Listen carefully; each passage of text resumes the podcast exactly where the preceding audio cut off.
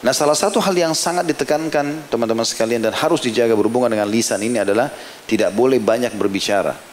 Jadi berbicara dalam arti kata yang tidak berguna ya. Tapi kalau orang berbicara tentang ilmu, Al-Quran, nasihat-nasihat, kalimat-kalimat motivasi ya.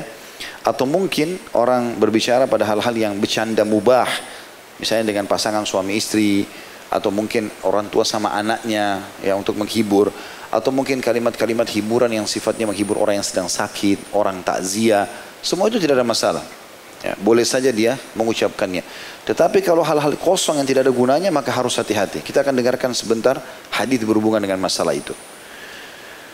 Di antara hal yang diangkat oleh beliau, saya langsung masuk ke bab setelahnya karena yang kita ingin titik beratkan adalah masalah ini. Bab Maja'a fi kasratil kalam, bab tentang banyaknya bicara. Beliau mengangkat surah Al-Infitar ayat 10 sampai ayat 12 tentang masalah itu. A'udzu billahi minasyaitonir rajim wa inna 'alaikum lahafidhin kiraman katibin ya'lamuna ma taf'alun. Padahal sungguhnya bagi kalian ada malaikat-malaikat yang mengawasi perbuatan kalian yang mulia di sisi Allah, maksudnya mereka tidak akan pernah berkhianat dan mereka selalu jaga amanah dan yang mencatat perbuatan-perbuatan kalian. Mereka mengetahui apa yang kalian kerjakan. Artinya harusnya ada pengawasan dan kita faham pengawasan ini selalu ada dari kalangan malaikat. Mereka tidak pernah tidur dan terus mencatat apa yang sedang kita lakukan. Walaupun tidak ada orang yang lihat, walaupun kita sendirian. Gitu.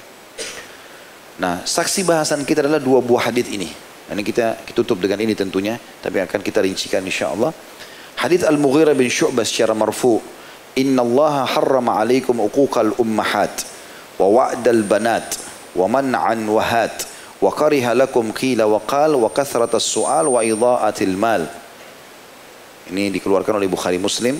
Bukhari nomor 5975 dan Muslim 593 artinya sesungguhnya Allah telah mengharamkan atas kalian durhaka kepada para ibu orang tua. Ini tidak kita bahas karena memang bab sendiri tentang durhaka kepada orang tua. Kemudian mengubur anak perempuan hidup-hidup tradisi orang-orang jahiliyah karena malu dengan anak perempuan maka mereka menguburnya dan membunuhnya. Kemudian perbuatan menghalangi perkara yang dia perintahkan, dia diperintahkan untuk diberikan dan meminta perkara yang dia tidak berhak mengambilnya. Artinya tidak boleh kita sibuk meminta sesuatu yang tidak ada hubungannya hak kita di situ. Dan Allah benci bagi kalian katanya, katanya, ya. Jadi katanya si fulan, katanya orang itu Katanya begini, Allah membenci itu. Ya. Tenggelam dalam kabar manusia, dalam kurung disebutkan di situ, dan banyak bertanya juga menyanyiakan harta. Jadi saksi bahasan kita dalam hadis ini yang ingin diangkat oleh Syekh Muhammad rahimahullah adalah Allah membenci bagi kalian mengucapkan katanya begini dan katanya begitu.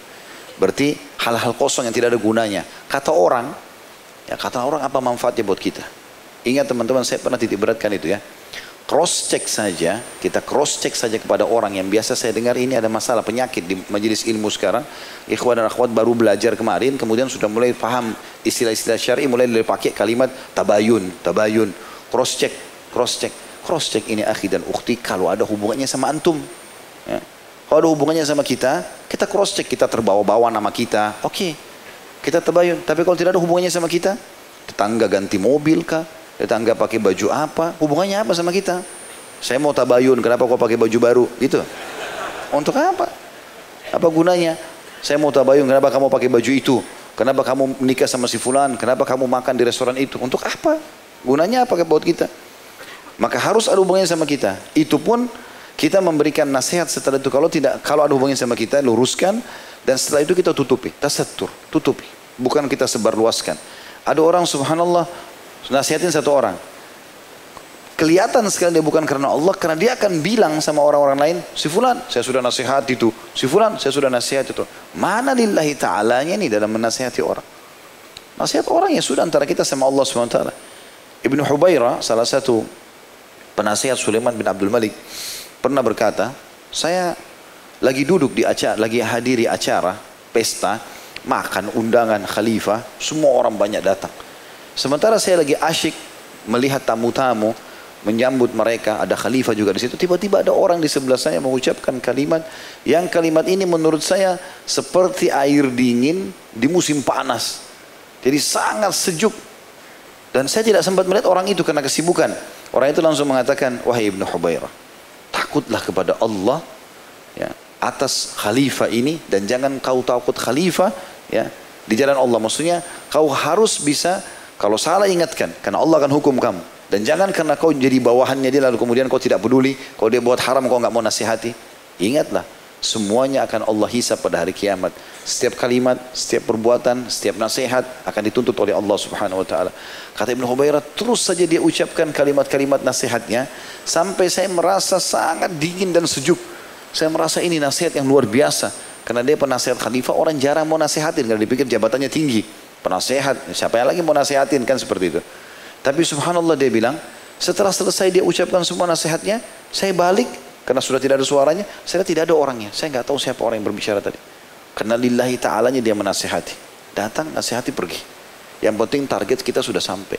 Oh si fulan, saya sudah 10 kali nasihatin tuh. Saya sudah sering bilangin tuh. Saya sudah begini dan begitu. Ini kamu lillahi ta'ala atau tidak? Itu termasuk ya dalam masalah ini.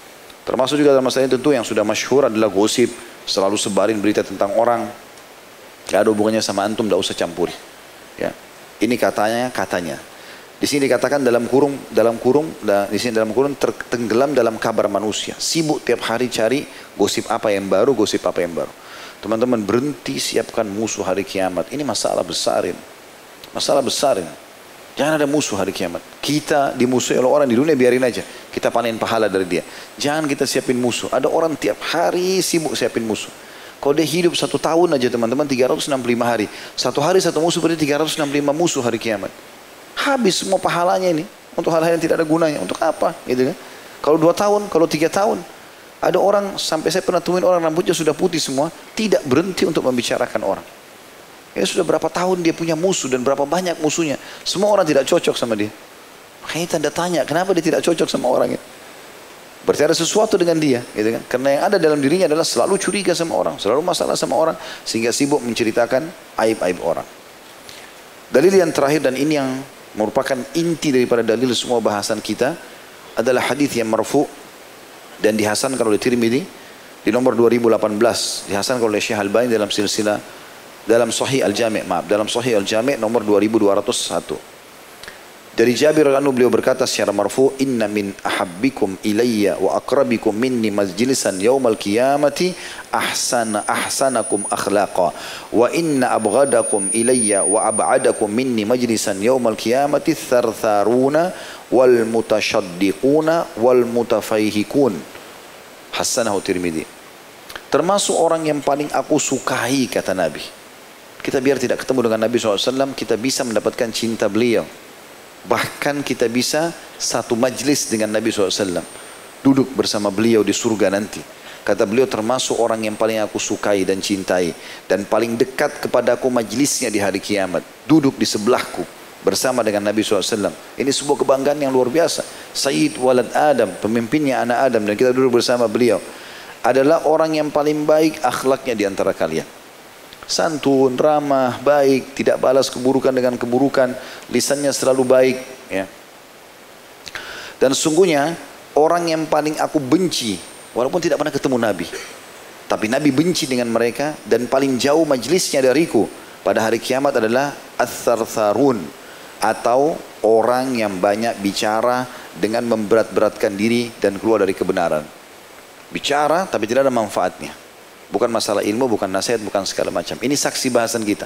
Thartharun artinya tharthar. Orang Arab selalu mengatakan kathiru thartharah. Banyak ngomongnya orang ini gitu. Ada orang begitu, begitu kita ngomong, intonasi suaranya tinggi, omongannya banyak, dan kadang-kadang saking cepatnya dia ngomong kita nggak terlalu menangkap semuanya, karena seringnya bicara, belum selesai bicara, tidak ada titik, tidak ada koma bicara terus, gitu. Kita kadang-kadang tidak ada kesempatan untuk menyampaikan, menjelaskan, karena banyaknya, ini namanya tharthara. Nah ini yang dimaksud dalam bahasan ini. Orang seperti ini kebanyakan yang dia ucapkan salah dan ini bisa menjadi dosa buat dia. Kemudian al-mutasyaddiqun. Orang juga yang berbicara dengan sepenuh mulutnya untuk menampakkan kefasihannya. Nanti akan ada bahasan sendiri ya. Ada salah satu dosa besar nanti berhubungan dengan lisan adalah sengaja ya membuat lisannya seperti orang fasih. Akhirnya salah. Ya, ini sering kita temukan begitu ya.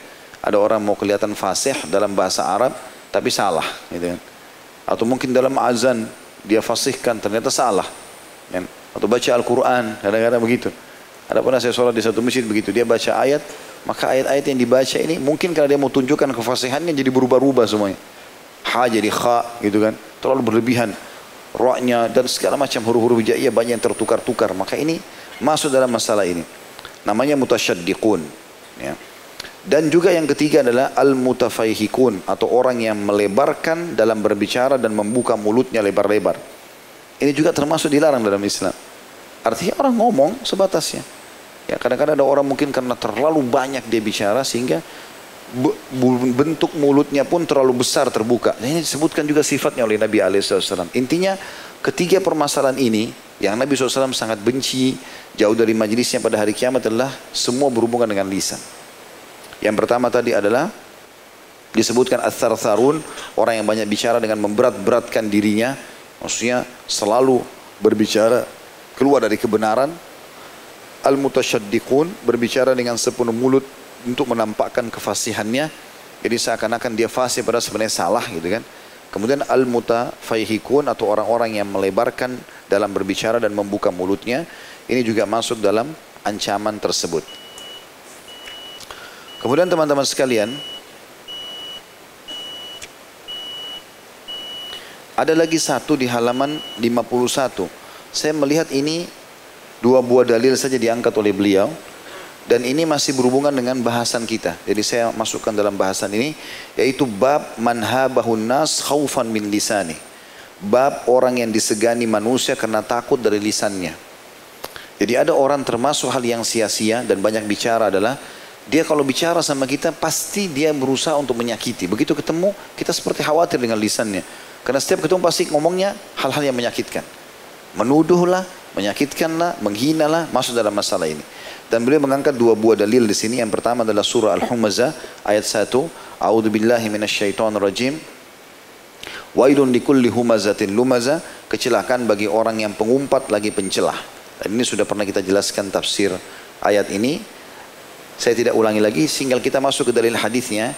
Aisyah radhiyallahu anha menuturkan bahwa Rasulullah SAW bersabda, "Inna syarran nasi manzilatan indallahi yaumal qiyamah man wada'ahu man wada'ahu aw tarakahu nas ittika'a fuhshi." Sesungguhnya manusia yang paling jelek kedudukannya di sisi Allah pada hari kiamat. Jadi tadi kan ada orang yang paling Nabi benci. Berarti juga jauh dari majelisnya Nabi SAW. Ini juga yang Allah benci pada hari kiamat adalah orang yang ditinggalkan manusia karena takut perkataannya yang keji. Ya, jadi ini juga termasuk dalam hal yang salah satu efek daripada banyak bicara sehingga akhirnya lisannya menjadi tajam dan menyakiti orang lain. Ini juga termasuk yang dilarang tentunya. Allahu alam. Ini bahasan kita insya Allah seperti biasa kita akan coba buka pertanyaan nanti berhubungan dengan tema kita dan pertemuan akan datang masih ada dosa besar yang tersisa yang berhubungan dengan lisan yang akan kita bahas insya Allah. Subhanakallahumma bihamdika asyhadu an la ilaha illa anta astaghfiruka wa atubu ilaik. Wassalamualaikum warahmatullahi wabarakatuh. Assalamualaikum warahmatullahi wabarakatuh. Alhamdulillah wassalatu wassalamu ala rasulillah. Segala puji dan puja kehadirat Allah subhanahu wa ta'ala. Juga salawat dan taslim kepada Nabi besar Muhammad sallallahu alaihi wasallam. Uh, saya melihat ada beberapa uh, bab di sini yang dikhususkan oleh Syekh Muhammad rahimahullah.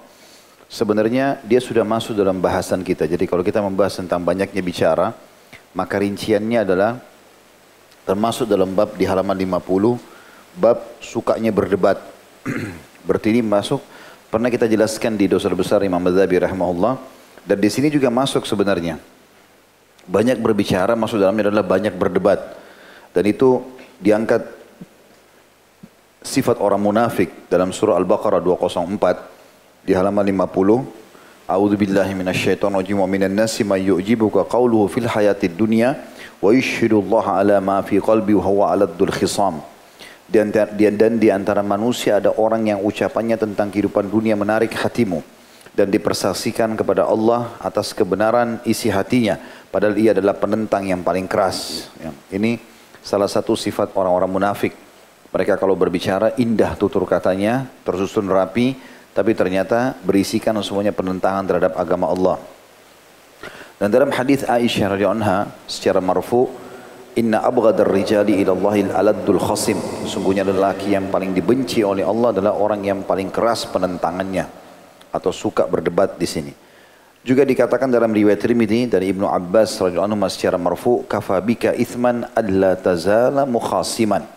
Cukuplah kamu berdosa yang sangat besar jika kamu terus-menerus menjadi penentang. Jadi ini termasuk penyebabnya adalah karena banyak berbicara hanya suka berdebat dan bertentangan. Ini juga masuk dalam rinciannya. Begitu juga dengan tadi yang saya sempat bilang tentang masalah mungkin ada bab khusus dosa-dosa besar berhubungan dengan lisan suka memperindah tutur kata. Saya melihat ini tidak usah dibab khususkan, tapi saya akan bacakan dalilnya masuk dalam bahasan kita banyaknya berbicara. Diangkat daripada sifat orang munafik dalam surah Al-Munafikun ayat 4. Ini kita kembali ke halaman 48-nya ya. Bab at-tashadduk wa takalluf al-fasaha. Bab terlalu memberat-beratkan dan memaksakan diri untuk fasih. Jadi supaya dia dianggap orang yang fasih sehingga dia mengatur tutur katanya yang membuat seakan-akan dia itu fasih padahal sebenarnya dia jauh dari jalan Allah Subhanahu wa taala. Al-Munafiqun ayat 4 dikatakan A'udzu billahi minasyaitonir rajim wa idza ra'aitahum tu'jibuka ajsamuhum wa iyyaqulu tasma' liqaulihim ka'annahum khushubun musannadah yahsabuna kulla sayhatin 'alaihim humul adu fahdharhum qatalahumullah anna yufakun. Dan apabila kamu melihat mereka orang-orang munafik itu tubuh-tubuh mereka menjadikan kamu kagum hai Muhammad. Tubuhnya bersih, penampilannya rapi, mungkin badannya kekar, dan jika mereka berkata, kamu mendengar perkataan mereka karena indahnya penyusunan tutur katanya. Mereka adalah seakan-akan kayu yang tersandar. Mereka mengira bahwa tiap-tiap teriakan yang keras ditujukan kepada mereka. Maksudnya sebenarnya mereka itu adalah musuh-musuh Allah dan mereka kalau mendengar suatu teriakan peringatan mereka kira diri mereka yang dituduh. Mereka itulah musuh yang sebenarnya, maka waspadalah terhadap mereka, semoga Allah membinasakan mereka. Bagaimana mereka sampai dipalingkan. Di dalam hadis Nabi alaihissalatu wassalam beliau berkata, "Inna Allah yabghidul baligh min ar-rijali alladhi yatakhall yatakhallalu bilisani kama takhallalul baqarah." Hadis dihasankan oleh Tirmidzi. Sesungguhnya Allah sangat membenci orang yang berlebihan dalam kefasihan di antara para laki-laki yang memutar lisannya untuk menampakkan kefasihannya seperti sapi yang sedang makan. Ya biasa kalau sapi makan dia menggerakkan kiri kanan giginya untuk mengunyah makanan tersebut. Maka seperti itu digambarkan karena sukanya berbicara dan memper, uh, membuat seakan-akan lisannya itu hebat dalam kefasihannya. Digambarkan seperti sapi yang berbicara. Juga dalam hadis marfu, hadis riwayat Abu Daud yang Abu Hurairah mengatakan man ta'allama sarfal kalami liyasrifa bihi qulubal rijali aw nasi lam yaqbalillahu minhu yaumal qiyamati sarfan wala adla Barang siapa mempelajari ilmu bicara yang lebih dari kebutuhan untuk menarik hati-hati para laki atau manusia, maka Allah tidak akan menerima darinya pada hari kiamat amalan yang wajib ataupun yang nafilah. Jadi artinya menyalahgunakan lisan ini sampai pada tingkat dia akhirnya ya, memperindah kata-katanya hanya untuk membenarkan argumentasi yang salah. Ya. Itu juga dengan saya lihat ini masuk di dalamnya penjelasan tentang masalah bohong, berbohong. Ini pernah kita jelaskan di Imam Madhabi rahimahullah.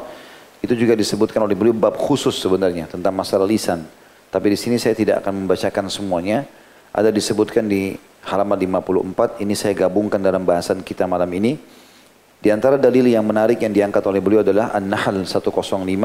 A'udzu billahi minasyaitonir rajim. Innama yaftaril alladziina la yu'minuna bi ayatillah wa ulaika humul kadzibun. Sesungguhnya yang mengada-ngadakan kebohongan hanyalah orang-orang yang tidak beriman pada ayat-ayat Allah dan mereka adalah orang-orang pendusta. Jadi seringnya banyak berbicara hanya dibicarakan hal yang salah dengan ayat-ayat Allah masuk dalam masalah berdusta.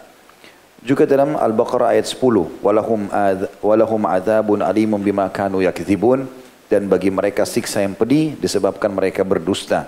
Jadi penyalahgunaan lisan. Dan Al-Jathiyah ayat 7 juga berbunyi, Wailun kulli affakin athim. Kecelakaan besar bagi tiap-tiap orang yang banyak berdusta, lagi banyak berbuat dosa. Ya dusta itu sering kali dekat dengan banyaknya bicara. Karena terlalu banyak yang dibicarakan akhirnya dia diikuti dengan berdusta. Begitu juga dengan bab khusus tentang masalah ucapan dan perkataan yang kotor. Ini masuk semua dengan banyaknya orang berbicara akhirnya masuk ke dalam masalah itu. Ya, sebagaimana diangkat hadis Nabi wasallam dihasankan oleh Tirmidzi, "Laisal mu'minu bit-ta'ani walal la'ani walal fahisha walal fahishi walal badhi." Tidaklah seorang mukmin itu tukang celah, tukang laknat, keji perbuatan dan juga perkataannya. Juga dikatakan dalam hadis yang lain, ini tentu di halaman 52 ya, hadisnya. Hadis yang lain adalah riwayat Tirmidzi dan disahihkan oleh beliau Abu Darda meriwayatkan oleh anhu, "Ma min syai'in athqalu fi mizanil mu'mini yawmal qiyamah min husnil khuluq wa inna Allah yubghidul fahishal badi alladhi yatakallamu bil fuhshi." Tidaklah ada sesuatu yang lebih berat di timbangan seorang mukmin pada hari kiamat daripada akhlak yang baik. Sesungguhnya akhlak sesungguhnya Allah membenci orang yang berkata dengan perkataan yang keji juga kotor. Ini semua teman-teman sekalian masuk di dalam masalah banyaknya berbicara dan ini saya gabungkan beberapa bab supaya insya Allah ke depannya kita akan masuk kepada bahasan yang berbeda dari masalah banyaknya berbicara atau masalah lisan ini. Allahu a'lam. Semoga apa yang kita bahas hari ini bermanfaat buat kita semua dan semoga Allah SWT menjadikan majelis kita majelis yang penuh dengan berkah dan ilmu yang bermanfaat yang bisa diamalkan dan semoga menjadi tambahan amal kita pada hari kiamat. Semoga Allah sang pencipta di langit sana menerima seluruh amal yang pernah kita kerjakan, yang sedang kita kerjakan, yang akan kita kerjakan sampai menjelang ajal nanti dengan pahala yang sempurna dan semoga seluruh dosa tidak terkecuali bagi semua yang hadir di sini ataupun mengikuti ceramah kita atau mengulang-ulanginya. Semuanya dosanya diganti oleh Allah SWT dengan kemahamurannya menjadi pahala. Baik itu dosa besar, dosa kecil, samar ataupun nyata sengaja tidak sengaja. Dan kita tidak pernah lupa mendoakan Indonesia menjadi negara yang aman, tentram, damai. Seluruh umat Islam di bawah naungan ukhuwah Islamiyah. Dan dalam ibadah mereka kembali pada Al-Quran dan Sunnah. Dan semoga Allah karuniakan kita pemimpin muslim yang adil yang kembali kepada Al-Quran dan Sunnah. Dan juga menegakkan hukum Allah Subhanahu wa taala dan memakmurkan negara ini serta semoga seluruh kaum muslimin dan muslimat yang sedang menghadapi masalah diangkat permasalahannya yang sedang terlilit utang dilunasi utangnya yang sedang sakit dilunasi diangkat penyakitnya yang belum punya keturunan diberikan keturunan yang belum punya pasangan dimudahkan mendapatkan pasangan yang baik yang soleh dan soleha dan juga semoga Allah lunasi utang negara ini semudah-mudahnya. Dan semoga Allah SWT menyatukan kita semua di surga firdausnya tanpa hisab. Mari disatukan dalam majlis ilmu yang mulia ini. Nabiyana muhammadin walhamdulillahi rabbil alamin. Subhanakallahumma bihamdika. Asyhadu an la ilaha illa anta astaghfiruka wa atubu ilaik. Assalamualaikum warahmatullahi wabarakatuh